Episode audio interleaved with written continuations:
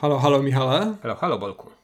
Witamy bardzo serdecznie w kolejnym już 22 odcinku podcastu, który nazywa się Ścieżka Dźwiękowa i drugim odcinku, który nagrywamy na odległość. Michał, jak się czujesz z tą skomplikowaną technologią? No, tęsknię bardzo za tobą, no, ale cóż, co zrobić? Przynajmniej cię mogę słyszeć. No to będę starał się mówić same miłe rzeczy. W dzisiejszym odcinku nietypowo zupełnie rezygnujemy z omawiania wieści, ponieważ no, sezon jest wyjątkowo ogórkowy, bardziej ogórkowy niż zwykle Ale... w sezonie. Tak, tak, tak. Już sezon, sezon na kleszcze chyba powoli przemija. Czy możesz mylę? No nieważne, Lewandowski nie odchodzi z Bayernu.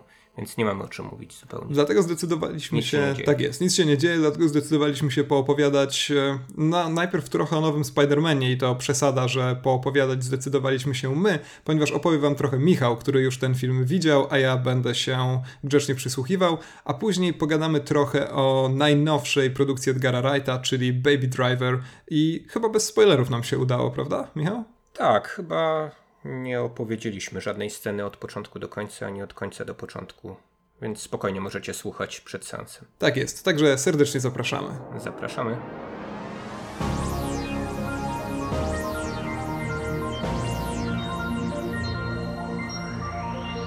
Tak się złożyło w tym odcinku, że z naszym skomplikowanym, mniej więcej co dwutygodniowym cyklem najprawdopodobniej nie będziemy w stanie wstrzelić się w najgorętszą, letnią, chciałem powiedzieć letnią premierę tego lata, najgo, naj, najgorętszą premierę tego lata, e, czyli Spidermana, e, ale jednocześnie składa się tak fajnie, że jeden z nas już ten film widział, a drugi nie i ten jeden z nas będzie przekonywał tego drugiego, czy warto na to iść. Michał, dostałem od ciebie taką wiadomość, e, zaraz, zaraz ją tutaj znajdę. Trzeba idź, idź na nowego Spidermana, bardzo, bardzo cię lubię, bardzo cię lubię, tęsknię za tobą, idź na nowego Spidermana. Czemu mam iść na nowego Spidermana, Michał? Ty wiesz, że ja już jestem strasznie zmęczony, taki, zmęczony takimi filmami yy, i kiedy mam opcję iść na amerykański blockbuster albo leżeć z twarzą w poduszce, to zwykle wybieram tą drugą opcję, a tutaj taki entuzjazm, nietypowy dla ciebie, ponuraku. Mm, no tak, od razu zacznę od sprostowania, przecież wiadomo, że w życiu bym nie napisał bardzo cię lubię w SMS-ie czy gdziekolwiek, no przecież to zostaje na zawsze, więc nie wiem kogo chcesz oszukać że takiego SMS-a dostałeś. E, dostałeś jakąś tam wiadomość ode mnie polecającą ten film i to tak naprawdę gorąco polecającą. E, rzeczywiście mamy e, w ogóle chyba bardzo fajny odcinek kinowego lata w Polsce. Ta druga połowa lipca jest niespotykanie obfitująca w premiery. No i zaczęła się bardzo dobrze. Dla mnie od przedpremierowego jedynego pokazu e, Spidermana e, no, na 10 dni przed właściwą premierą, okazuje się, że dostaliśmy najlepszego Spidermana do tej pory filmowego. Spidermana, który jest zabawny, a nie jest beksą jak Tobey Maguire.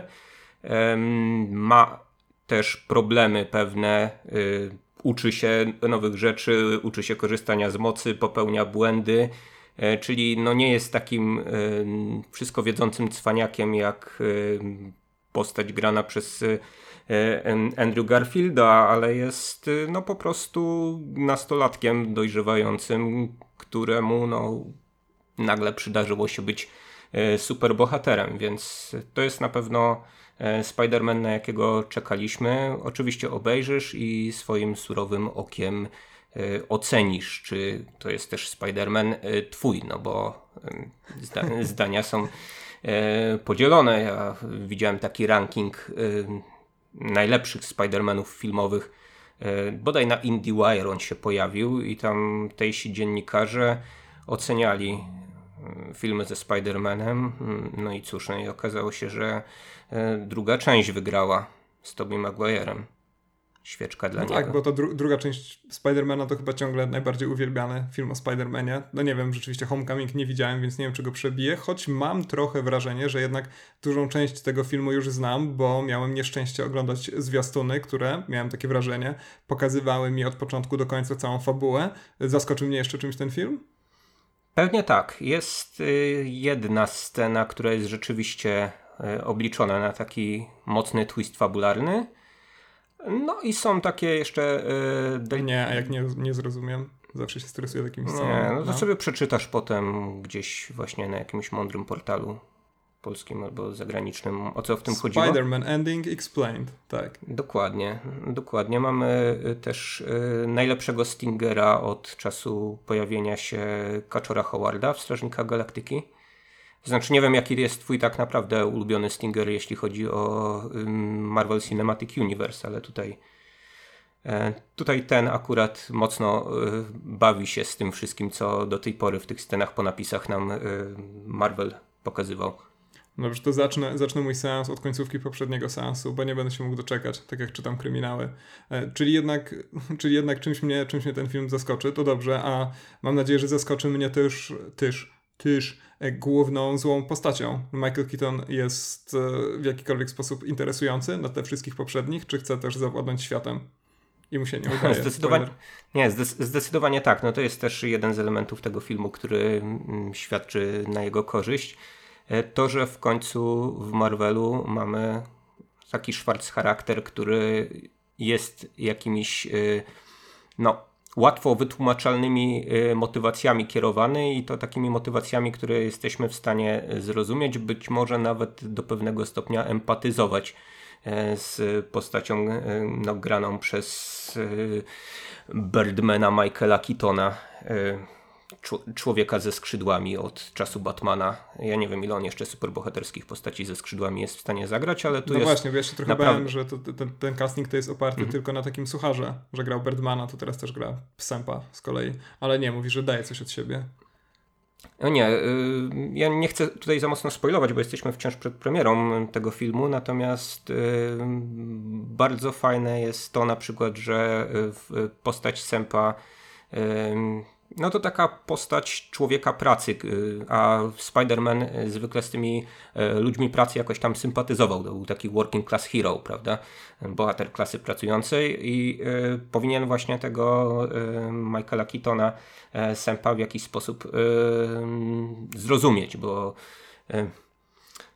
w ogóle sama ksywa Semp pada bodaj w jednym tylko miejscu w filmie, ale bardzo inteligentnie w scenariuszu jest to, to zaznaczone w samej na działalności e, Michaela Keatona, że on tym, on tym sępem jest. On mianowicie y, żeruje na y, pozostałościach kosmicznych z tej wielkiej Avengersowej bitwy w Nowym Jorku y, z kosmicznymi najeźdźcami. Więc trochę jak sęp na padlinie z tych, z tych rzeczy najpierw legalnie, a potem nielegalnie składa sobie rozmaite e, zabawki, zabawki, broń po prostu z tego składa. E, natomiast nie jest e, takim komiksowym, bo ja tak zapamiętałem Sempa z komiksu, że on był takim takim podstarzałym amantem, który zalecał się do cioci May. Nie wiem, czy ty czytałeś te same odcinki Spidermana, czy miałeś do czynienia z postacią Sempa w jakimś innym wcieleniu, ale tam on był emerytem, no, był w takim wieku tak 60 y, plus, tak wyglądał mniej więcej, więc Największy to starcie... wróg milenialsów, to nic dziwnego. Największy wróg milenialsów, starość. Nic dziwnego, że Spider-Man walczy ze starością. No ja nie lubiłem tych odcinków, y, w których Spider-Man walczył y, z Sempem, no bo to mi się kojarzyło z takimi nastolatkami z osiedla, którzy napadają na babcie czy dziadków i zabierają im drobne, żeby kupić sobie za to, nie wiem, pi piwo. Ale przecież on się odmładzał, nie?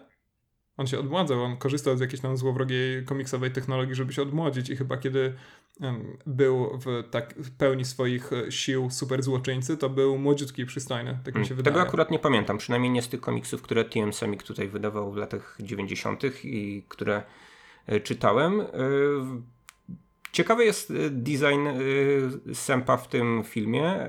On ma mechaniczne skrzydła. W komiksach, jak pamiętałem, no miał takie e, na takie ikaropodobne skrzydła, tak? Po prostu skrzydła z, z piórami, z, z, z, z piórami, z lotkami. Tutaj to jest element właśnie tej technologii, w której postać Kitona się E, dobrze czuje i odnajduje. On zresztą tam ma takich swoich sidekicków, inżynierów, którzy e, różne e, zabawki mu dostarczają. I odpowiednio dużo czasu jest oddane Schwarz charakterowi. Ja się, bałem się, że ten film będzie miał takie trochę przesunięcie w kierunku może postaci Ironmana, być może jakieś inne jeszcze gościnne występy będziemy mieli, no bo oczywiście cały film jest zbudowany na współpracy wytwórnymi Sony e, z Disneyem, w związku z czym no, ten Spider-Man jest akurat wkomponowany w Marvel Cinematic Universe, e, z czego wynika też właśnie ten fabularny motyw no, zbierania tych, po, tych pozostałości po, po, po bitwie Avengersów. Zresztą tam mamy też przenoszenie samej siedziby Avengersów do nowego budynku. I jest tutaj trochę Ironmana na ekranie, natomiast no, on, nie, on nie dominuje. No, czujemy jednak, że jest jeden przeciwnik. To nie jest kasus, nie wiem, na przykład drugiego Amazing Spidermana z Garfieldem, gdzie mieliśmy zbyt wielu wrogów, czy no już w ogóle trzeciej części na przykład sama Raimiego filmu z Tobim Maguirem, gdzie mieliśmy tych przeciwników Spidermana na pęczki, no ale nic z tego nie wynikało, poza tym, że mm, świetna postać Venoma została zmarginalizowana zupełnie. Ale może jeszcze powiem, co działa w tym filmie. No działa humor, to znaczy ja dawno nie... Cały czas mówisz, co działa. Okej. Okay. Ale... Jesteś taki pełny entuzjazmu, ale kontynuuj, kontynuuj. Jasne. To jest mi miło słuchać że coś się udało kiedyś w kinie komukolwiek. Jasne. No, uważam, że ten film się udał prawie w całości. Może finałowa y, walka jest y, no taka trochę odhaczona bez jakiegoś takiego y, finazyjnego pomysłu, natomiast y, sporo klisz, które no, po kilkunastu filmach w Marvel Cinematic Universe no, muszą się jakoś y, zdarzać, jest zręcznie E, ominiętych e, dzięki no, właśnie błyskotliwemu i bardzo dowcipnemu e, scenariuszowi. Zresztą sama podstawa filmu no to nie tyle takie typowe kino superbohaterskie z origin story i jakimś no, dojrzewaniem do operowania supermocami czy ostatecznego pojedynku właśnie z tym E, Schwarz charakterem, ale podstawą jest e, taki teen movie e, bazujący trochę na dokonaniach Johna Hughesa. Zresztą tutaj prosto mamy zacytowanego zacytowany jeden z filmów Hughesa Wolny dzień Ferisa Billera. Nie wiem, nie wiem czy pamiętasz takie, takie dzieło. Tak. Tak, tak, tak, kojarzę. Film, e, który się strasznie zestarzał i chyba był zawsze trochę przeceniany, e, ale on ma jakąś taką niesamowitą moc w amerykańskiej popkulturze. To znaczy, rzeczywiście co drugi film o nastolatkach e, do niego w jakiś sposób nawiązuje. To, to jest niesamowita rzecz. Musimy mu kiedyś poświęcić jakiś odcinek. Tak, i, tu, i tutaj ten Spider-Man właśnie stara się trzymać mniej więcej. Um taki klimat jak, jak y, w filmach Johna, Johna Hughesa, czyli jest dość lekki, komediowo-slapstickowy, chociaż gdzieś pod koniec filmu trochę tonacja zmienia się na taką, na taką bardziej mroczną, no ale też bez przesady. Jesteśmy y, wciąż w Marvel Cinematic Universe, a nie w DC. No jeśli chodzi o ten humor, no to dostarcza go w dużej mierze y, sidekick głównego bohatera, taki jego, e, jego kumpel, e, który mm, a, no dobrze, może mini spoiler odkrywa, że, że ale to chyba nawet w trailerze było, że, że, że właśnie Spidermana tak. mm, że Spidermanem jest Peter Parker. Mm, I co jeszcze? No, wydaje mi się, że y, właśnie kluczem, kluczem do, tego, do tego filmu jest to, że on no, nie próbuje nie próbuje naśladować tych Spider-Manów e, wcześniejszych. No, nie mamy tutaj e, śmierci wujka Bena. To, czego baliśmy się chyba, omawialiśmy swego czasu, prawda, zwiastun tego, tego filmu i wydawało nam się, że kolejny reboot tego przygód tego bohatera no, będzie polegał no, właśnie na takim, no nie powiem mechanicznym, ale jednak odhaczaniu pewnych ważnych epizodów dla tej postaci. No a tutaj nie. Y, poniekąd wynika to też chyba z tego faktu, że zostaliśmy jakoś y, zaznajomieni ze Spider-Manem. No, pojawił się przecież y, w Kapitanie Ameryce trzeciej części, czyli nieformalnych Avengersach 2,5. No i w związku z tym zdjął jakby potrzebę ze scenarzystów takiego przedstawiania punkt po punkcie tej postaci. Można było od razu się skupić na takich problemach szkolnych, problemach dorastania i tak dalej. No jest wspaniały żart, który gdzieś tam już został wykorzystany oczywiście po, poza filmem, no ale tutaj muszę, muszę, muszę go zacytować. Otóż w pewnej scenie Spider-Man trafia na przedmieścia, no i mamy odpowiedź na pytanie, co może Spider-Man tak naprawdę, gdy jest y, pozbawiony tego wielkomiejskiego, nowojorskiego otoczenia, y, czyli po prostu bu A, budynków, ja których, których może się czepiać y, za pomocą swoich sieci. Tak, tak, jakieś czytałem nawet jakiś, jakiś zeszyt Spidermana, gdzie on faktycznie trafia na przedmieścia i tam, tam sobie tam dyskretnie kroczy pomiędzy tymi niskimi, jednorodzinnymi domkami, bo tak naprawdę za bardzo nie ma żadnych innych opcji.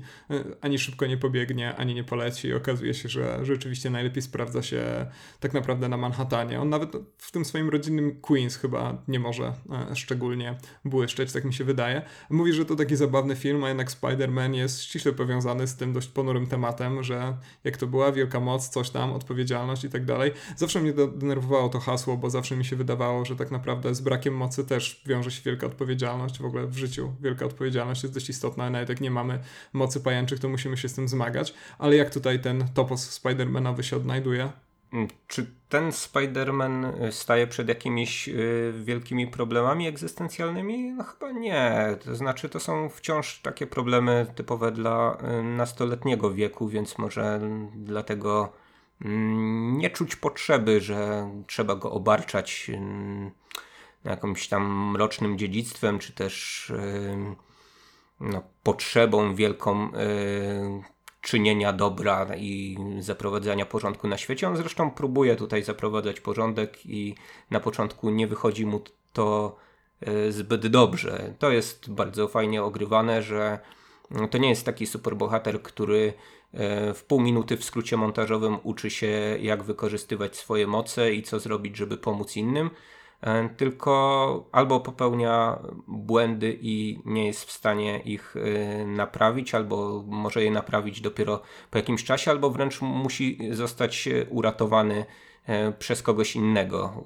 Także wydaje mi się to też jakimś takim fajnym, fajnym odcinkiem w tym, jak, jak postać właśnie Spidermana jest traktowana. Zobaczymy, co będzie dalej tak naprawdę, bo to będzie wyzwanie przed scenarzystami no jak dopisać ciąg dalszy e, przygód Spidermana, kiedy tę genezę mamy w jakiś sposób e, załatwioną. No ale niech się tym e, martwią Później na razie mam nadzieję, że będą spijać śmietankę. Mam nadzieję, że ten film będzie wielkim sukcesem, większym niż przereklamowana Wonder Woman. Chociaż na razie chyba w box office jakoś tam z nią przegrywa na tym pierwszym odcinku. Tak, na razie tak, no ale jeżeli rzeczywiście mm, taka plotka o tym, że ten film jest dobry się rozniesie, no to ludzie rzeczywiście może nie odpadną tak bardzo, prawda? No bo pierwszy weekend to nawet Batman przeciwko Supermanowi odniósł wtedy sukces, a później kiedy ludzie, którzy nie są śmiertelnie poważnymi fanami obu postaci mieli do wyboru iść do kina czy nie, no to zdecydowali się raczej nie iść. E, słusznie my się nie będziemy martwić tym, co dalej ze Spider-Manem, niech się martwią tym ludzie, którym za to płacą grube miliony dolarów, E, I co, przechodzimy sobie dalej, Michał? Czy jeszcze chcesz się czymś podzielić? Y, ja mam jeszcze jedno pytanie. Jak tam Marisa Tomei w roli cioci, cioci May? E, jest jej tutaj e, właśnie zaskakująco mało, więc fanom tej młode, młodej cioci May no niestety muszę powiedzieć, że, że nie ma żadnego ognistego romansu. May not. Dobrze, tym świetnym dowcipem kończymy w takim razie Spider-Man Homecoming. Być może ja też dorzucę coś od siebie, kiedy zobaczę ten film, aczkolwiek pewnie zrzucimy to gdzieś tam do sceny po napisach. A teraz przechodzimy sobie do Baby Drivera. Brum, brum, brum, brum. Obejrzeliśmy tym razem obaj nowy film Edgara Wrighta Baby Driver. Znowu nie mamy polskiego tytułu, ale tym się już chyba nikt nie przejmuje w Polsce. Bob, ale jak Bobo kierowca? No właśnie. Tutaj mielibyśmy, jak w przypadku Boss Baby na przykład, yy, takie, takie pole do popisu dla tłumaczy jak Dzidziuś za kierownicą na przykład. A jak był, jak było przetłumaczone, jak był przetłumaczony Boss Baby w Polsce? Dzieciak rządzi. A, dzieciak rządzi? Nie, to... Nie, nie, nie, nie tak. To rzeczywiście zmarnowany potencjał tłumaczeniowy troszkę. No, mo mogliby w jakiś sposób nawiązać do tamtego filmu, skoro tamten się sprzedał tak dobrze. Wiesz, tutaj wprowadzamy film pod tytułem y, Dzieciak jeździ na przykład. Tak, cała seria. Albo, albo Dzieciak ucieka. Tak, tak zwana przypadkowa franczyza, bardzo charakterystyczna dla polskich tłumaczy. A ktoś, ktoś, ktoś przegapił sprawę. No cóż, zmarnowana okazja. E, trochę też chyba zmarnowana okazja dla Edgara Wrighta, żeby się bardzo efektownie przypomnieć, choć ja będę cały czas powtarzał, że to jest e, ciągle naprawdę, naprawdę kawał dobrego kina. E, dla mnie premiera każdego kolejnego filmu Edgara Wrighta to jest wielkie wydarzenie. To jest być może mój w ogóle ulubiony współczesny reżyser. E, jedyny taki, który według mnie rzeczywiście jeszcze pamięta o to, że w komedii jako takiej w dużej mierze chodzi o wizualia, a nie tylko o takie bardzo banalne, śmieszne czasem, zwykle nie dialogi, tylko rzeczywiście film to jest sztuka, która za przeproszeniem inkorporuje e, wiele różnych mechanizmów i Edgar Wright potrafi pięknie, pięknie, pięknie nimi grać, e, ale w Baby Driverze mam nadzieję to wszystko wszystko było troszkę, troszkę, tro, troszkę stłumione i po takim bardzo efektownym początku cała rzecz e, odrobinę siada, ale ty chyba masz e, bardziej negatywne odczucia niż ja, bo ja, powtarzam, ciągle nieźle się bawiłem. No ja miałem dosyć wysoko zawieszoną poprzeczkę przez właśnie przeszłość Edgara Wrighta, więc ja mam taką propozycję, może byśmy zaczęli przede wszystkim o tym, skąd ten Edgar Wright się wziął, a w zasadzie co do tej pory zrobił i dlaczego go tak wielbimy i dlaczego. No i dopiero potem powiemy o tym, dlaczego te oczekiwania e, w nowym filmie jakoś nie do końca zostały zaspokojone. Zaspokojone mniej lub bardziej. Dlaczego, wiel... dlaczego wielbimy Edgara Wrighta? Za Scotta Pilgrima przede wszystkim. Tak? tak? Nie, dla mnie Scott Pilgrim to jest gdzieś tam taka przypadkowa rzecz, trochę. Być może dlatego, że to nie jest w całości jego oryginalna rzecz, to znaczy jest to adaptacja komiksu, jakby nie patrzeć i to miejscami jest to taka adaptacja kadr po kadrze. Jasne, bardzo in interesująca i ciągle rzeczywiście jest to, jest to rzecz absolutnie znakomita, ale ja chyba jednak najbardziej sobie go cenię za te jego całkowicie oryginalne produkcję, czyli przede wszystkim za to, co się tak ładnie nazywa trylogią Cornetto. Nie pamiętam już za bardzo dlaczego, czy tam tak. postaci jedzą Cornetto, czy, czy, czy, czemu tak jest? Nie, to jest, a, to jest przeciekawa sprawa, to jest um, odpowiedź na um, trylogię kolorów Kieślowskiego. E, tak, tak oficjalnie? Kiedyś, tak? nie wiem, czy oficjalnie. E, w każdym razie e, Edgar Wright realizował trzy filmy. Każdy jest obarczony jakimś tam kolorem i te kolory nawiązują do kolorów lodów, właśnie tych lodów, lodów Cornetto. Mamy biały, czerwony i zielony, tak? Czy, nie, zielony, niebieski i czerwony, przepraszam. Jasne. Więc czerwony jak krew, i tutaj wysyp żywych trupów. Niebieski jak policyjny mundur to Hot Fuzz e, z podtytułem wspaniałym Ostre Psy. E, tak, po polsku. No i wreszcie e, Zielony to jego film o no taki apokaliptyczny o tytule, który w Polsce jakoś się bardzo sprzągł z tytułem innego filmu E, Jamesa Franco, tak, i Setha Rogena, więc ja zawsze, zawsze mylę te, e, te, te dwa filmy. To już jest koniec? Taki był polski tytuł? Czy to już koniec? Ha, zaraz będę musiał to sprawdzić. To już jest koniec. Tak. Nie, nie, pamiętam nawet polskiego tytułu trzeciego filmu trylogii Cornetto, ale rzeczywiście The World's bardzo End w każdym razie. Tak, to jest, ko koniec to jest świata, dosłownie, e, dosłownie to tłumacząc. No, tak. więc właśnie, to, to mamy, te, mamy taką, taką trylogię kolorów, która jest chyba nieco lepsza nawet niż ta Kieślowskiego. No, myślę, że zdecydowanie lepsza. Zresztą większość rzeczy jest lepsza niż e, trylogia e, kolorów Kieślowskiego, ale to jest pewnie materiał na inną zupełnie dyskusję.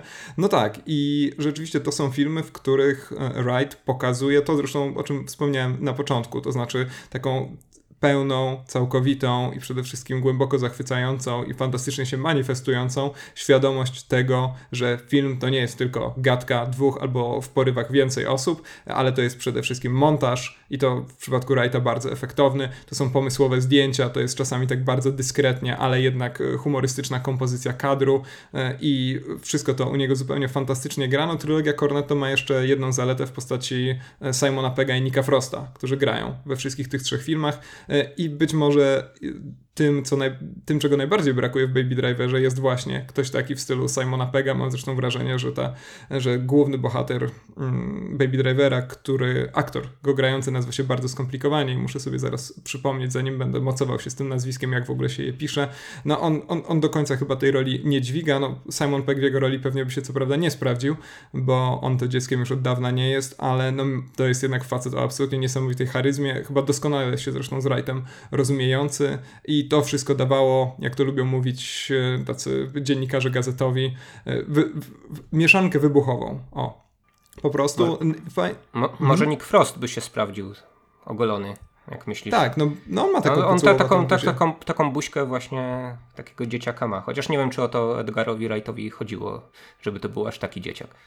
Właśnie wydaje mi się, że nie, y, ale jeżeli chodzi o takie bardzo charakterystyczne rightyzmy, że tak to powiem, właśnie ukułem taki neologizm, y, no to w Baby Driverze fajne jest to, że on jednak trochę odchodzi od tych pewnych zwyczajów, które y, no bardzo, bardzo konsekwentnie jednak realizował w, chociażby w tej trylogii Cornetto ten bardzo charakterystyczny montaż, na przykład taki bardzo dynamiczny, bardzo zresztą w stylu tego, co się robiło gdzieś tam na początku XXI wieku w kinie w ogóle.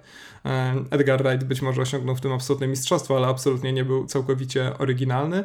No w Baby Driverze stara się eksplorować trochę, trochę inne elementy stylu filmowego, e, ale, ale, ale jednak nie odchodzi na tyle daleko, żeby rzeczywiście stwierdzić, że to jest jakaś, jakaś zupełnie zupełnie inna rzecz. E, który z tych, z tych, trzech filmów to jest twój ulubiony film, Michał? Na pewno masz jakiś ulubiony. Tak, Hot Fuzz, Ostre Psy. To jest, o, no to się e, dogadujemy. Nawet tego nie ustaliliśmy przed ten, nagraniem. To jest ten film, od którego w ogóle zacząłem moją przygodę z kinem Edgara Wrighta. Wysyp żywych trupów e, chronologicznie wcześniejszy obejrzałem sporo później, bo jeszcze po Skocie Pilgrimie, jak mi się przynajmniej wydaje. I ten film y, no, był dla mnie jakimś takim olśnieniem, to znaczy y, jeśli chodzi o y, współczesne pastisze filmowe, wydaje mi się, że niewiele jest takich przykładów jak Hot Fuzz, które mm, działają jako samoistny film i zarazem jeżeli znamy ten cały podkład, który właśnie jest no, tym, tym, tym pastiszowym e, lukrem e, polany, no to dostarczają no, jeszcze, jeszcze większej przyjemności, bo przypomnijmy, że to jest taki film, który przede wszystkim bazuje na nomen omen kultowym filmie Kult z lat 70., tak? The Wicker Man. Tak, ale jednocześnie... z tego, że Christopher Lee w nim śpiewa. Znaczy Christopher Lee często śpiewa oczywiście, ale tam śpiewa przepięknie, tak, bo gra zresztą lidera tego kultu, o ile pamiętam, który jest kultem natury, lasu, e, nagich ludzi i tak dalej. Wspaniale. Tak, tak.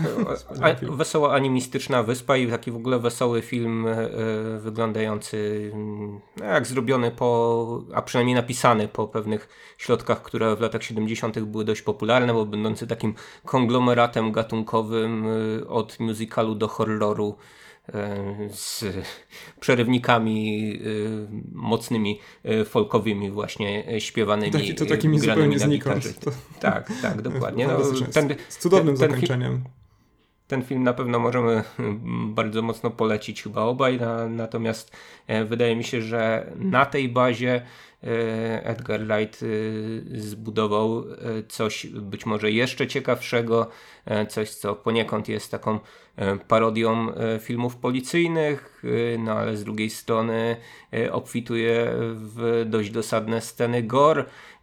No, znowu taki, te, taki film zlepiany z erudycji kinofila, kinomaniaka, jakim niewątpliwie Edgar Wright jest, no i niesiony przez postacie grane przez Simona Pega E, i e, jego, jego partnera Nika Frosta w tej całej, w całej trylogii Cornetto. Tam nawet e, epizod Timothy'ego Daltona jeszcze mamy Bonda z lat 80., który no, w jakiś taki bardzo fajny sposób bawi się swoją rolą.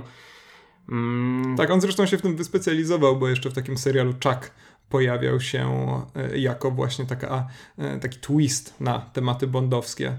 Więc, no ponieważ Timothy Dalton wielkim aktorem chyba jednak nie jest, e, pomijając może jego rolę jeszcze w serialu Scarlet na przykład, to e, właśnie swoją postbondowską karierę zbudował chyba właśnie na nawiązaniach do Bonda przede wszystkim. Tak, no niewątpliwie on ma jakiś taki... Mm, ma takie poczucie autoironii, które jest e, nieobce generalnie e, brytyjskim E, czy wywodzącym się w ogóle z wysp e, brytyjskich e, aktorom. I to był w stanie tutaj, tutaj sprzedać się, no ale jak mówiłem, Simon Pegg triumfalnie przede wszystkim wkracza w tym, w tym filmie na, na, na duży ekran, no, stał się dla mnie taką przynajmniej rozpoznawalną postacią. No nie do końca potem być może dobrze poprowadził swoją karierę, próbował w różnych komediach amerykańskich i wychodziło mu to E, średnio, natomiast e, Edgar Wright wydaje mi się, że e, do tego poziomu Hot Fuzz jednak potem nie doskoczył w żadnym filmie. To znaczy ja uwielbiam Scotta Pilgrima i uwielbiam go przede wszystkim za to, o czym mówiłeś na samym początku, czyli właśnie niesamowitą wyobraźnię wizualną, którą Edgar Wright sprzedaje na ekranie, bo dla mnie Scott Pilgrim to nie tyle film y, komiksowy, co film y, zakorzeniony w kulturze mm, gier wideo, gier z automatów. Y, no, taki, taki film, który jest w stanie tą, tą estetykę arcade'owych gier na automatach przenieść na ekran filmowy, co wydawało się dosyć trudną sztuką, a tutaj jakby powiodło się no moim zdaniem idealnie, to znaczy mamy tam e, te wszystkie komputerowe elementy HADA, jakieś tam paski życia, paski moczu, z tego co pamiętam nawet, tak, tam się, e, tam się pojawiają i jeżeli e, szukamy takiego filmu, który odzwierciedla to, jak e, gry komputerowe e, przedstawiają przestrzeń, jak, e, jakim światem przedstawionym posługują się gry komputerowe, no to ja za, zawsze polecam w pierwszej mierze Scotta Pilgrima. To, co jest bardzo charakterystyczne też dla tych dotychczasowych filmów Wrighta, to to, że one potrafią być niezwykle emocjonalne. Zwłaszcza to widać w tej trylogii Cornetto, gdzie przecież właściwie za każdym razem postać grana przez Simona Pega ma jakiś dość poważny bagaż, który musi dźwigać. Nawet w Wysypie Żywych Trupów przecież, który jest taką e, parodią parodii filmów o zombie, mamy tę bardzo przejmującą scenę, kiedy on no, staje naprzeciwko swojej zombifikowanej matki i Simon Pegg tam zupełnie zaskakująco daje zupełnie kapitalny popis e, umiejętności aktorskich. W Hot Fuzz być może jest to troszkę stłumione przez to, że on tam nie gra szczególnie sympatycznej postaci, ale nie gra sympatycznej postaci też w ostatniej części, czyli w końcu świata właśnie, a jednocześnie cały ten temat tego, że no należy dorosnąć, mówiąc najkrócej i E, jeżeli zatrzymałeś się w liceum, to znaczy, że rzeczywiście masz ze sobą jakiś poważny problem, a przede wszystkim otoczenie będzie miało z tobą taki problem, nie z gatunku, że tylko Bóg może mnie sądzić, tylko z gatunku tego, że powinieneś jednak się jakoś ogarnąć, żeby być wartościowym członkiem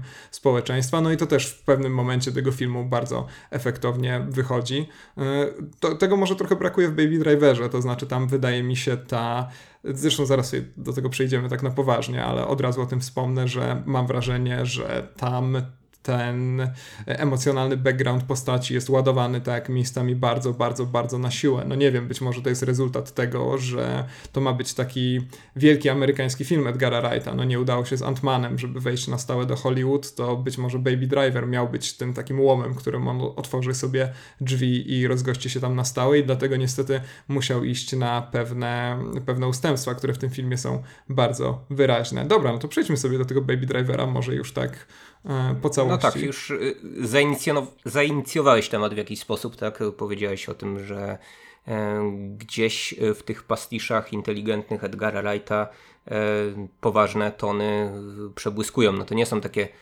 nie były do tej pory przynajmniej takie parodie mm, zbijane z różnej maści gagów, tylko y, filmy, które rzeczywiście miały y, dość y, porządnych bohaterów. I tutaj mamy bohatera, który rzeczywiście traumą jest w jakiś sposób naznaczony.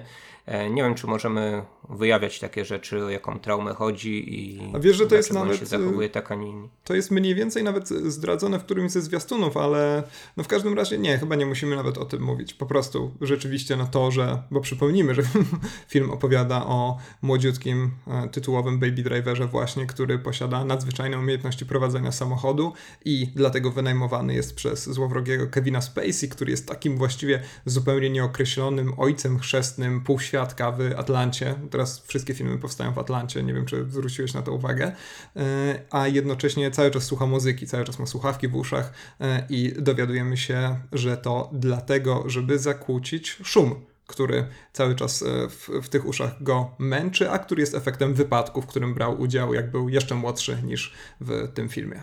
Tak, i przez to, że on ma cały czas te słuchawki na uszach, ma różne rodzaje iPodów w różnych kolorach na e, różne nastroje i klimaty, jakie w danym dniu e, odczuwa, e, to jest takim usprawiedliwieniem, dlatego że muzyka jakby nie przestaje grać w tym filmie, to znaczy ten film jest niekończącym się teledyskiem zmieniamy tylko e, różne utwory, no trochę dostosowując właśnie nastrój e, do tego, co w, co w danym momencie na ekranie się dzieje. No ale powiedziałeś, że właśnie masz z tym bohaterem problem taki, że on jest dość mało wyrazisty. No, wydaje mi się, że sama konstrukcja bohatera trochę no, narzuciła to, że mamy taką, a nie inną postać, z którą trudno się utożsamić. To jest jednak dość mocno wycofany gość. Cały czas schowany za tymi przyciemnionymi okularami, e, cały czas tymi słuchawkami e, wbitymi na uszy. No dobra, od czasu do czasu te okulary e, czasem zdejmuje, tak? Jednak od czasu do czasu. Czasem ktoś mu zrzuci. Tak, no albo musi zajrzeć w piękne oczy swojej wybranki kelnerki.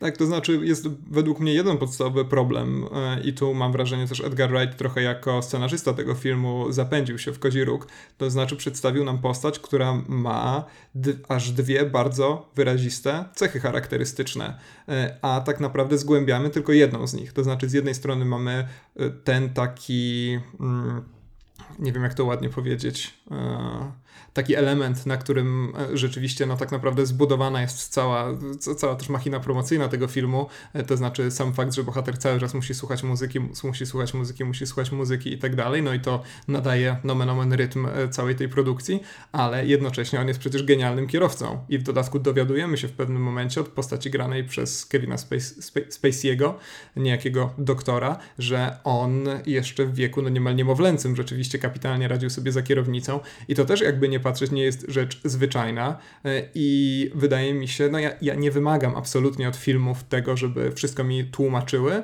ale czuję taką, taki wręcz drażniący brak symetrii, choć wiadomo, że symetria to jest mieszczańska estetyka i nią pogardzam, ale jednak troszkę mnie drażni to, że jeden taki bardzo charakterystyczny element e, konstrukcji bohatera zgłębiamy, a drugi zupełnie olewamy. I tak, no koleś jest po prostu kierowcą, który ma nadludzkie umiejętności, bo on ma nadludzkie umiejętności, chyba co do tego nie ma wątpliwości. I o tyle, o ile tą pierwszą rzeczą warto się zająć, to to po prostu musicie przyjąć za pewnik e, i tyle. I to jest, to jest taki stan za stany. I to, to, to jest coś, co mimo tego, że tak jak powtarzam, nie wymagam wyjaśniania wszystkiego, to w jakiś sposób mnie tam delikatnie podrażniało. Okej, okay, bo wydaje mi się, że to wynika z takiego faktu, że mm, jednak w tym filmie najmniej czujemy, że na ekranie oglądamy jakieś postacie z krwi i kości. Y, jednak te wszystkie postacie, które y, otaczają y, Baby Drivera są w mniejszym lub większym stopniu utkane z różnych cytatów z popkultury. Sam Edgar Wright się zresztą chwalił, że chyba tysiąc filmów, przynajmniej około tysiąca filmów jest zacytowanych w tym, w tym jego filmie. I wydaje mi się, że no to jakby zdominowało e, całe jego e, patrzenie e, na ten film. Te, te wszystkie cytaty i nawiązania no tym razem zmiotły mu z pola widzenia to, że jednak no, musimy mieć jakieś takie e, postacie, którym, e, którym warto kibicować, a przynajmniej no, powinniśmy takie mieć, albo, albo intryga e, no, fabularna przynajmniej powinna być na tyle wciągająca, że chcemy to śledzić od początku do końca. A tu ja widzę problem i z postacią główną, oczywiście z tymi drugoplanowymi i trzecioplanowymi e, tym bardziej i, z, i też z samym, e, z samym scenariuszem, z samą, z samą intrygą fabularną, no, która no, w przeciwieństwie do wcześniejszych filmów Wrighta no, sprowadza się do takiego ciągu, no właśnie, no, nie, nie nazwałbym tego skeczami, ale właśnie takich scenek mniej lub bardziej slapstickowych, yy, zwykle z samochodem na pierwszym planie. Tak, to znaczy problem tutaj wydaje mi się, no tak, tak, tak, tak, właściwie to po prostu mogę ci przyklasnąć i tylko po prostu rozwinąć jeszcze to w trochę inną stronę, bo ja też rzeczywiście jestem w stanie łyknąć taką zupełnie schematyczną fabułę i przerysowane postaci, jeżeli rzeczywiście dostaję film, który w samej swojej formie absolutnie mnie powala i tego szczerze mówiąc trochę się po Edgarze Wrightie spodziewałem i jeszcze po, po, pierwszych 20 minutach filmu absolutnie byłem przekonany, że to dostanę, bo cały ten początek, najpierw pościg, a później ten spacer po kawę, to są dwa, dwie, no przewspaniale zaaranżowane momenty. Nie wiem, czy zwróciłeś w ogóle uwagę, że tam jeszcze chyba przed projektantem, czy też projektantką kostiumów wymieniony jest choreograf E, jako, jak, jako no taka niezwykle istotna część e, tego filmu. Problem polega na tym, że później ten styl też odrobinę siada, z pewnymi wyjątkami oczywiście, jak ten pościg e, piechtobusem, prawda, kiedy, kiedy on ucieka przez to centrum handlowe i całość kończy się rozwałką na parkingu, ale mam jednak wrażenie, że Wright w pewnym momencie zdecydowanie uspokaja się i ten film, taki efektowny, taki rozbuchany, miejscami zostaje sprowadzony do kilku takich banalnych dialogów, do takiego ładowania nam ekspozycji, żebyśmy przypadkiem niczego nie przegapiali, do takiego bardzo prymitywnego wręcz miejscami budowania relacji między postaciami. No ja na przykład bardzo nie lubię sceny, w której główny bohater mm, zaprzyjaźnia się to może przesada, ale zaczyna się dogadywać z Buddym, czyli z bohaterem granym przez Johna Hama. No to jest taka wyjątkowo nierajtowska scena, kiedy, no zresztą widziałem ją tylko raz, więc być może nie dojrzałem pewnych niuansów. Akurat filmy Edgara Wrighta nadają się do tego, żeby obejrzeć je minimum cztery razy, ale nie mamy tyle pieniędzy, bo, bo, bo bilety do kina są bardzo drogie, drogie multiplexy, więc opanujcie się, to wtedy będziemy robić bardziej rzetelne podcasty, ale w każdym razie to są takie sceny, których właśnie Wright jednak do tej pory unikał, a tutaj niestety pojawiają się dość regularnie. No i też jeżeli chodzi o te stylizacje chociażby wyścigów, to ja rozumiem co prawda, czy też wyobrażam sobie, że można by było to całkiem fajnie usprawiedliwić, ale jednak trochę mnie drażni to, że pierwszy wyścig jest tak piekielnie efektowny, Drugi również jest efektowny, wyścig, pościg właściwie. Drugi również jest efektowny, zwłaszcza w tym, że absolutnie nic tam nie wychodzi, e, a w rezultacie finał tego filmu to jest jakaś taka dość nieciekawa, w każdym razie dla mnie, rozwałka na parkingu. E, i to jest coś, co mnie naprawdę ogromnie, ogromnie zawiodło. Fantastyczny początek, do którego Wright później po prostu nie jest w stanie doskoczyć, tak mi się wydaje, bo ta scena marszu po kawę, takiego wesołego, szczęśliwego, która zresztą pokazuje, że główny bohater jest świetnym kierowcą, ale fatalnym przechodniem, to bardzo mi się podoba ten dowcip, że on świetnie prowadzi, ale nie umie chodzić, no ona jest cudownie, cudowna właśnie pod tym kątem choreografii. Nie wiem, czy zwróciłeś uwagę na to, jak tam na latarni pojawiają się słowa piosenki, która gra w tle akurat w momencie, kiedy bohater tę latarnię mija i tak dalej. Zresztą warto pooglądać sobie różne materiały z planu, które pokazują, jak ta choreografia ruchów postaci rzeczywiście przebiegała, bo to była rzecz nadzwyczajnie skomplikowana. Oczywiście chodziło o to, żeby pokazać, że wcale tej choreografii nie ma, podczas gdy ona tam rzeczywiście jest i jest bardzo istotna. Także właśnie z jednej strony ta fabułka, no bardzo miałka, bardzo drażniąca miejscami, ponieważ no ona się rządzi czasami mm, takimi niedorzecznymi rozwiązaniami, że naprawdę trudno to łyknąć, a jednocześnie bardzo rozbuchane moje w każdym razie oczekiwania wobec tej warstwy formalnej, pierwszymi 20 minutami filmu, które potem chyba niestety nie zostają spełnione. No i dochodzimy do końcówki, która jest, jest zupełnie fatalna, mam wrażenie. No jest wypchnięta zupełnie na siłę, jakby po prostu mm, ostatecznie autorzy tego filmu usiłowali pogodzić e, bardzo dużo sprzecznych ze sobą rozwiązań, no i wychodzi taki, taki, taki dziwaczny, brzydki dość chaos. Tak, mamy tam kilka takich zakończeń rodem z e, VHS-owego kina klasy B, w którym e, przeciwnik głównego bohatera nie chce umrzeć, no i trzeba go tam dobijać kilka razy. E, Okej, okay, no i to mogło być jakoś tam ciekawe na poziomie scenariusza, ale jednak e, koniec końców e, nie wyszło za dobrze. Tym bardziej, że no, ten e, film miał kipieć taką energią, która będzie właśnie dostarczana tymi samochodowymi pościgami, a tymczasem on w finale właśnie jest cokolwiek statyczny. Samochód jest w jakiś sposób tam wykorzystany, ale no niestety no to, jest, to jest scena na parkingu takim dusznym, mrocznym, ciasnym i energia całego filmu e, z tego zupełnie ulatuje, a wspomniałeś też wcześniej, że e, jest bardzo dobrą montażową sceną ucieczka głównego bohatera. No problem w tym, że on tam ucieka pieszo. To chyba nie tego oczekiwaliśmy od y, kina, które miało być oparte na brawurowych samochodowych pościgach. A to ja muszę przyznać, że nie mam z tym zupełnie problemu. Ja to traktuję wręcz jako taki zakrojony na szeroką skalę dowcip, który w ramach tego filmu jednak nieźle działa. Zwłaszcza, że no to jest ciągle zachwycająca scena i to, że tutaj bohater biega akurat. Zresztą ma niesamowitą kondycję, jestem pod wielkim wrażeniem, a nie siedzi za kółkiem, a wręcz przeciwnie, no, on usiłuje się dostać przecież e, za kółko jakiegoś samochodu, nawet go odpala, ale po chwili zostaje, zostaje unieruchomiony w wyniku jakichś tam wydarzeń.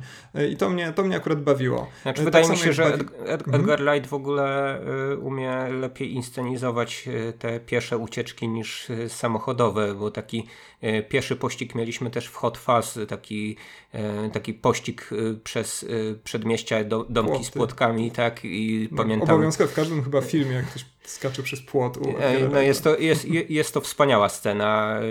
Ta tutaj też myślę, że może, może w jakiś sposób dorównywać temu, co Simon Pegg tam prezentował, no ale niestety cała reszta jakoś niespecjalnie. No być może problem jest poniekąd we mnie, bo ja nie jestem wielkim miłośnikiem motoryzacji, więc też nie jestem w stanie e, docenić pewnych e, niuansów tego, co Edgar Wright tam nam prezentuje, jeśli chodzi o e, zachowania tych, tych różnych piekielnych maszyn na ulicach nie wiem, jak ty się na to zapatrujesz, ale no, wydaje, wydawało mi się to dosyć nieciekawe, to, to jak on prezentuje e, te wszystkie samochodowe stęki. A mnie się to akurat sam fakt, że właśnie nie mamy tam do czynienia z piekielnymi maszynami, bardzo mi się podobał. Bardzo mi się podobało to, że tak naprawdę jak wsiadają do rzeczywiście jakiejś takiej efektownej fury gdzieś tam w końcowych partiach filmu, to jadą nią tylko przez chwilę, ale tak na co dzień Baby, nawet na tych swoich jobach, prowadzi raczej takie samochody, którymi rzeczywiście wożą się przestępcy, ponieważ bardzo łatwo nimi gdzieś tam wmieszać się w tłum na przykład. I w pierwszej scenie, w tym najefektowniejszym pościgu, oglądamy bohatera, który szaleje za kierownicą jakiegoś starego, bardzo nieefektownego, dość brzydkiego Subaru, a czytałem gdzieś, że Ride w ogóle chciał, żeby Baby Driver prowadził tutaj Toyota Corolla. Tylko, że akurat executives z Sony, bo to Sony dystrybuuje ten film, stwierdzili, że no jednak wypadałoby jakiś bardziej seksowny samochód znaleźć, no ale nie posunęli się w tej seksowności zbyt daleko. Bardzo fajnie ten film gra na tle Szybkich i Wściekłych na przykład, gdzie tak naprawdę chodzi nie tylko o oglądanie pościgów, ale o oglądanie samych samochodów i tam rzeczywiście oglądamy jakieś zupełnie fantastyczne sprzęty, niedostępne zwykłemu człowiekowi, a tutaj wręcz przeciwnie, tutaj mamy do czynienia z takimi bardzo przyziemnymi samochodami, które rzeczywiście nawet na ulicach Warszawy czy Krakowa możemy dostrzec bez e, żadnego problemu i bez sokolego oka, ale one potrafią robić niesamowite rzeczy. Ale jeszcze bym wrócił na chwilę do tej aranżacji mm, scen, które na pozór nie są zupełnie efektowne, bo ponarzekałem trochę na tą scenę z Johnem Hamem, e, a tymczasem chciałbym powiedzieć troszkę o tym, że jednak w tym filmie widać bardzo często, mimo wszystko, takie przebłyski geniuszu Edgara Wrighta e, i chciałbym nawiązać do tej takiej smutnej sytuacji, kiedy wyrzucili go z planu Antmana, który został w rezultacie wyreżyserowany przez Peytona Reeda, więc zręcznie sobie nawi nawiążemy do twojego monologu o innym marvelowskim filmie, mm, czyli Spider-Manie.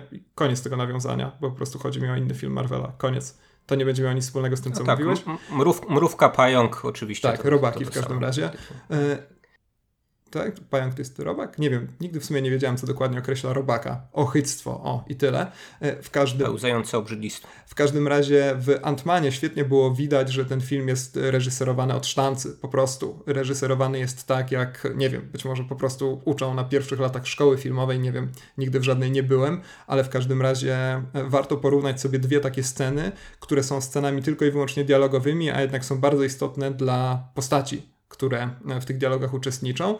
I w Antmanie e, jest scena, w której e, Evangeline Lilly przekonuje e, głównego bohatera do tego, żeby ten jednak zdecydował się zostać Antmanem e, i wziął na siebie ten ciężar i tak dalej, zdecydował się zmierzyć z własnymi demonami, bla, bla, bla. E, I to jest scena, nie wiem czy dobrze pamiętasz, która odbywa się na przednim siedzeniu nieruchomego w dodatku samochodu. I tyle. To jest ujęcie przeciw ujęcie, tam się nic absolutnie ciekawego nie dzieje, bohaterowie tylko i wyłącznie rozmawiają. Tymczasem Edgar Wright w Baby Driver ma scenę, która brzmi podobnie nudno, to znaczy mamy dwójkę bohaterów, którzy zakochują się w sobie siedząc w pralni. I tam z kolei Edgar Wright daje fantastyczny popis chociażby tego, co się dzieje w tle, tego jak ta scena zakomponowana jest kolorystycznie i tak dalej. Oczywiście on tam idzie w taką przestylizowaną przesadę, bardzo dla siebie charakterystyczną, ale jednak w tej jednej krótkiej scenie pokazuje, jak on się fantastycznie różni od tego, czego Hollywood wymaga, czy tego, co Hollywood wystarczy na co dzień, tak naprawdę.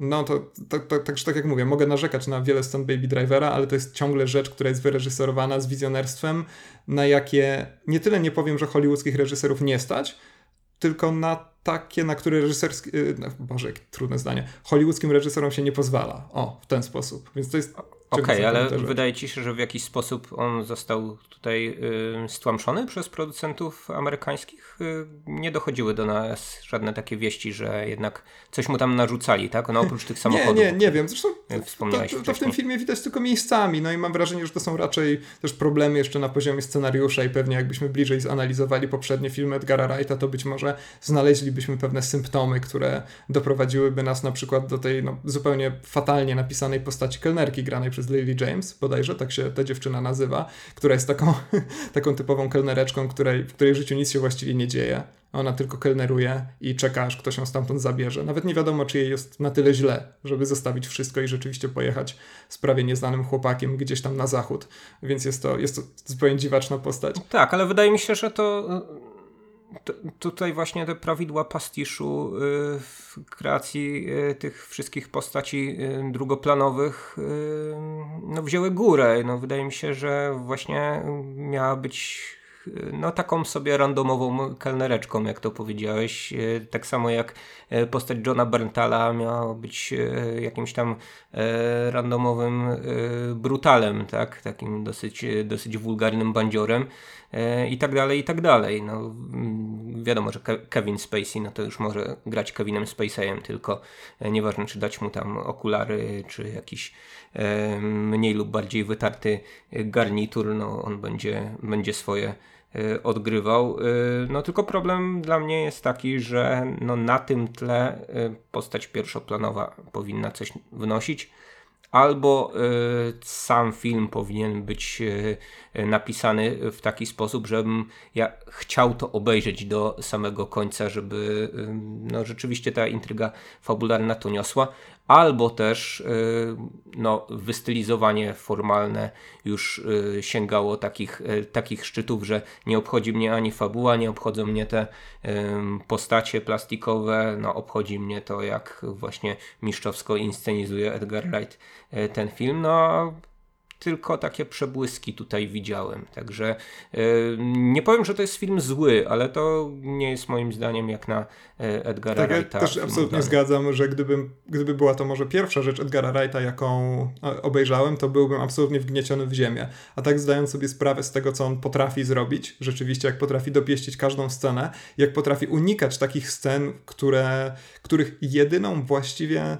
No właśnie, bo to jest, to jest strasznie męczące. Na przykład jak Edgar Wright informuje nas o tym, o, jakichś ważnych, ważnych elementach fabuły, a to na przykład jakimś e, fajnym montażem scen w telewizji, tak jest w Wysypie Żywych, żywych Trupów, e, albo na przykład tą fantastyczną sceną, kiedy Simon Pegg zostaje wysłany na prowincję w Hot Fuzz, żeby tam odsłużyć e, swoje, swoje pozostałe lata do emerytury w policji. Tam z kolei mamy ten fantastyczny montaż chociażby znikającego zasięgu w komórce. E, no a tutaj z kolei za dużo jest takich scen, kiedy bohaterowie po prostu coś nam mówią i tyle. I, i to, jest, to, jest, to jest bardzo drażniące. I gdyby, gdyby rzeczywiście, gdybym nie widział nic, niczego wcześniej indziej, co? Co ja mówię? Niczego, niczego wyreżyserowanego przez Wrighta wcześniej to byłbym zachwycony, a tak jednak myślałem, stary, up your game, nie? Postaraj się, jednak potrafisz, potrafisz zrobić coś zdecydowanie lepszego niż tutaj. Jesteś być może najbardziej w ogóle utalentowanym dzisiaj żyjącym reżyserem, więc chciałbym, chciałbym zobaczyć więcej. E, wróćmy do tego głównego bohatera, bo nie wiem, czy wiesz, ale jego gra gwiazda młodzieżowa, Ansel Egort. Sprawdziłem, jak się nazywa, zapisałem sobie tutaj okay. ma, małej, Dlaczego jest gwiazdą? karteczce. To jest chłopak, który grał w Gwiazd naszych wina. Mm, nie wiem, czy widziałeś tę adaptację łzawej książki dla młodzieży? E, no niestety akurat tej nie widziałem. No, ja też nie sobie widziałem, dopisać ale była popularna. Do... I grał też w, aczkolwiek nie wiem na ile ważną rolę w tej trylogii um, Divergent, nie pamiętam jaki był, e, niezgodna, chyba tak, niepotrzebna, taki był polski tytuł. E, niepotrzebna, tak, to koniec końców tak się okazało, że to jest niepotrzebna franczyza. No i on tutaj chyba chce rzeczywiście po prostu pokazać, że e, świetnie nadaje się do grania innych filmów i to jest ciekawa trochę mm, analogia z Ryanem Goslingiem, który też rozpoczynał tak naprawdę poważną karierę filmem o kierowcy, choć zbyt dużo tam nie jeździł, no ale chyba Goslingowi wyszło to trochę lepiej, choć oczywiście porównywanie tych dwóch filmów, nawet jeżeli wyreżyserowanych przez dwóch panów, którzy kładą bardzo duży nacisk na styl, nie ma e, większego, nie ma większego sensu, ale rzeczywiście no, problem z postacią graną przez Ansela Egorta jest taki, jaki zidentyfikowałeś wcześniej, czy jest zgnieciony po prostu przez te bardzo wyraziste stereotypy, które go otaczają i gdzieś tam, no gdzieś tam, gdzieś tam znika po prostu w tym wszystkim. Jest bardzo, bardzo, bardzo mało wyrazisty. Wydaje mi się, że akurat w przypadku tych dwóch filmów e, porównania z, z Drive jakkolwiek oczywiste i samo nasuwające się no są, są uzasadnione do pewnego stopnia. No właśnie tak jak powiedziałeś, e, Refn również bazuje na e, efektownym wizualnym stylu i na setkach odwołań do filmów, które wcześniej widział. E, ja nie jestem przesadnym fanem akurat filmu Drive, e, niemniej jednak nie tylko ze względu na wiek głównego kierowcy, wydaje mi się tamten film jakimś dużo dojrzalszym przykładem tego, w jaki sposób można tego typu kino robić, bo w przypadku E, tamtego filmu pewnego rodzaju takie melancholijne zwolnienia, e, zatrzymania były e, dość dobrze uzasadnione taką, taką trochę nostalgiczno-romantyczną E, powłoczką, w której ten cały film e, się obraca. E, o tyle statyczność Baby Drivera no, jest dla mnie czymś nie do przyjęcia, to znaczy czymś, czego chyba w tym filmie nie powinno być. On powinien być, wydaje mi się, tak tak wynikałoby z pierwszych scen, że powinien być taki energetyczny, pulsujący dynamizmem, a niestety, niestety jest no, dosyć, dosyć statycznym i chaotycznym zlepkiem różnego rodzaju odwołań do filmów, które wcześniej Edgar Wright widział. Jak się czujesz e, oglądając film, w którym symbolem nostalgii za czasami dawno minionymi jest iPod, a nie na przykład Discman albo Walkman e, albo Patefon? Czujesz się staro? No, jako szczęśliwy, jako szczęśliwy posiadacz urządzenia MP3, co prawda nie e, tej strasznej firmy E, promowanej w każdym filmie hollywoodzkim i niehollywoodzkim e, sekty e, nadgryzionego jabłuszka. Czuję się dobrze z tym, że ktoś jeszcze no, ma MP3, nawet Apple'a. Dobra, to jeszcze ja na koniec będę podkreślał, że mimo tego, że właściwie przez ostatnie 40 minut głównie narzekałem, to Baby Driver mi się podobał. Tak jak mówię, dla mnie nawet najgorszy film Edgara Wrighta będzie zdecydowanie lepszy niż 99% wszystkiego, czego takie rasowe codzienne, tradycyjne Hollywood z siebie wypluwa. Chciałbym, żeby ten film osiągnął sukces y, finansowy, zresztą idzie mu nieźle, bo w pierwszy weekend zarobił 40 milionów, czyli mniej więcej się zwrócił.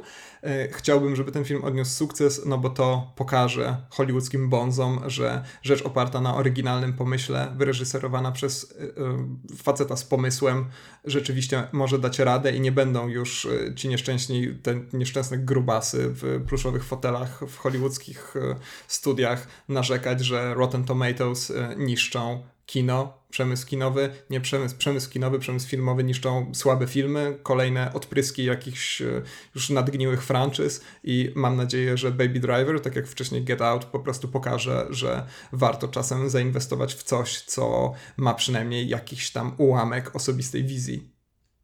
Nie jest tylko takim produktem skrojonym pod jakąś publiczność, która, jak pokazują chociażby ostatnie Transformersy, chyba tak naprawdę nie istnieje, bo wcale nie chce już chodzić na te filmy. Hurra. Koniec. Tak, zobaczymy jak to w box office będzie, bo mm, rzeczywiście budżet tego filmu nie był specjalnie duży, nie był taki blockbusterowy, no ale jednak y, ten film musi zarobić krotność tych 40 milionów, żeby został uznany za e, finansowy sukces. Na pewno to nie jest y, ta skala zysków, y, co w przypadku e, Marvela czy DC wciąż, ale no, pierwsze przejawy e, zmęczenia franczyzami e, docierają do nas e, z kin amerykańskich. E, Niestety nie objęły e, Europy w takim stopniu jak e, Stanów Zjednoczonych, a na pewno nie objęły Chin, bo no, Transformersi jakkolwiek w odwrocie e, na zachodzie, to, to w, Chinach, w Chinach zarobili e, w dalszym ciągu bardzo dużo. No ale cóż, no oczywiście no, kibi, kibicujemy e, rzeczom, które no, nie są sequelami, rebootami i e, kolejnymi odgrzewanymi kotletami.